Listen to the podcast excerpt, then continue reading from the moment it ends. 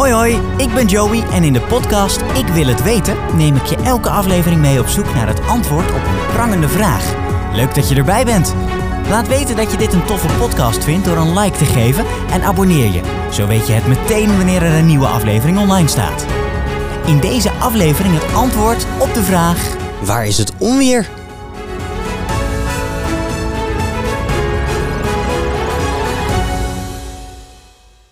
In deze aflevering van de serie Ik wil het weten krijg je flitsend gedonder voor je kiezen.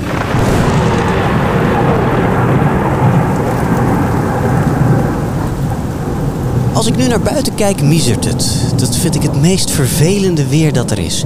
Want binnen een minuut ben je zeiknat. Waar ik blij van word? Een goed knallende onweersbui.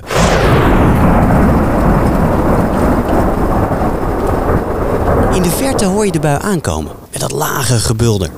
Naarmate de bui dichterbij komt, wordt het gebulder harder en harder. Het lijkt wel 50 tinten grijs dit. Net als de lucht op dat moment. Als het onweer vlak boven je hangt, heb je van die schelle, harde, venijnige klappen. Alsof alles om je heen uit elkaar klapt. En daarna doodse stilte.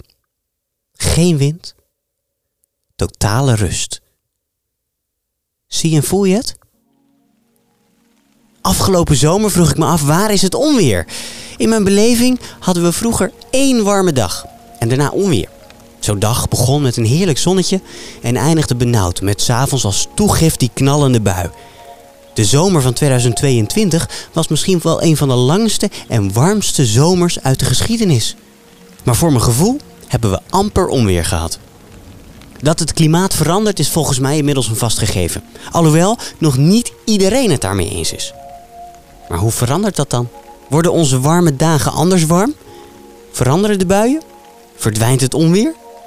Ik baan mij deze week een weg door alle buien heen op zoek naar de kern van het gedonder. De kern van het gedonder vinden we in de beeld bij het KNMI. Ik heb daar afgesproken met Rob Groenland en vroeg hem als eerste: wat is onweer eigenlijk? Ja, onweer is een, ehm, eh, in feite het vereffenen van een ladingsverschil in de atmosfeer. En we hebben eh, positieve lading en negatieve lading. Net als in een batterij. Net als in een batterij of een stopcontact.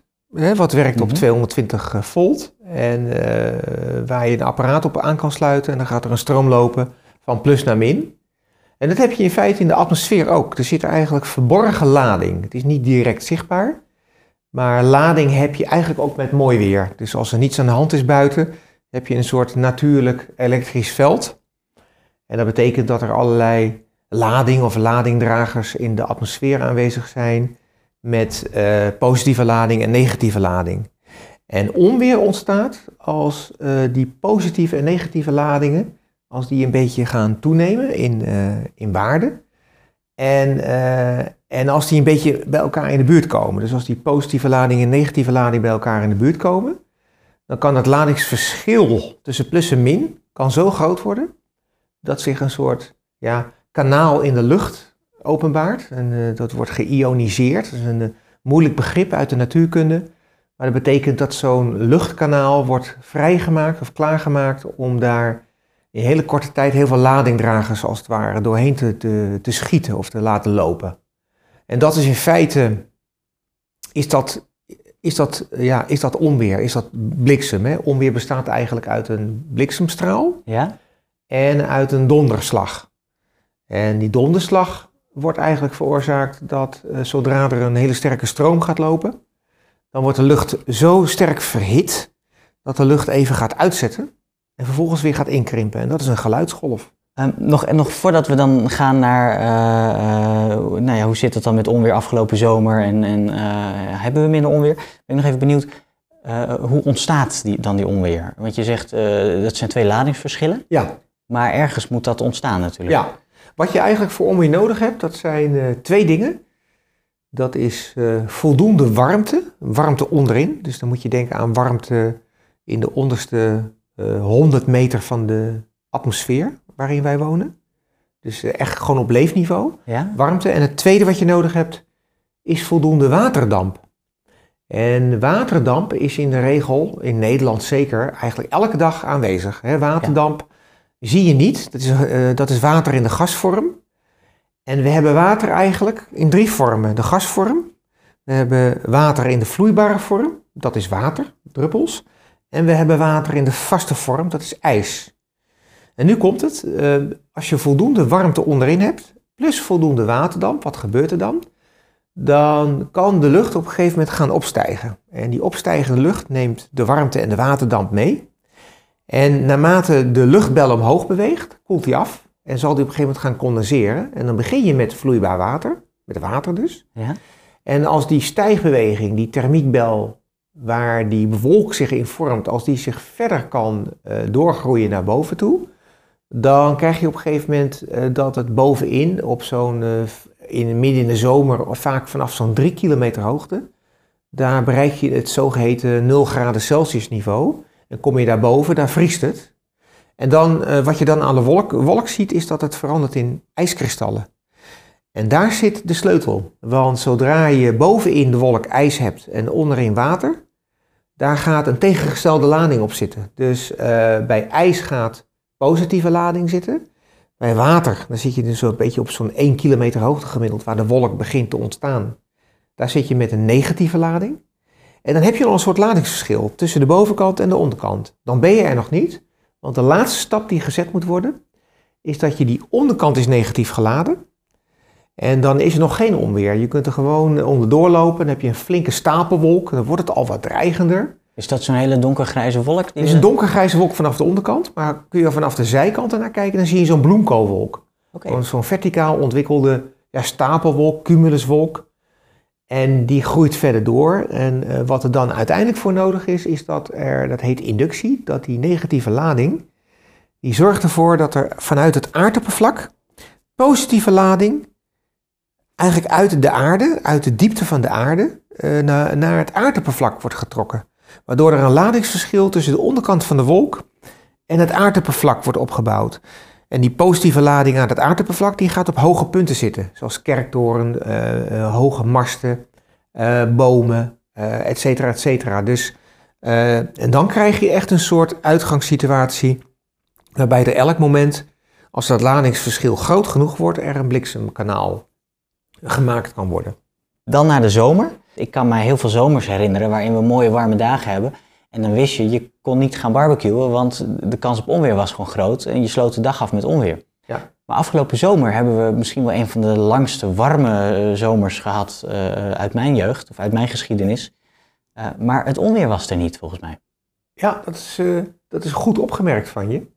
Want niet alleen afgelopen zomer, maar ook, laten we zeggen, zo'n beetje vanaf 2018 maken we eigenlijk seizoenen mee, zomerseizoenen mee, die worden gekenmerkt in het algemeen door hele lange uh, droogteperiodes. En die droogteperiodes, die zijn echt significant langer en intenser dan, uh, dan we normaliter in het ja, zomerklimaat voor 2018 hadden. Dat is echt een op, uh, opvallend verschijnsel ja? in de Nederlandse zomer dat die droogte zo intens is. En uh, dat heeft ook invloed op het ontstaan van onweersbuien aan het einde van een warme dag.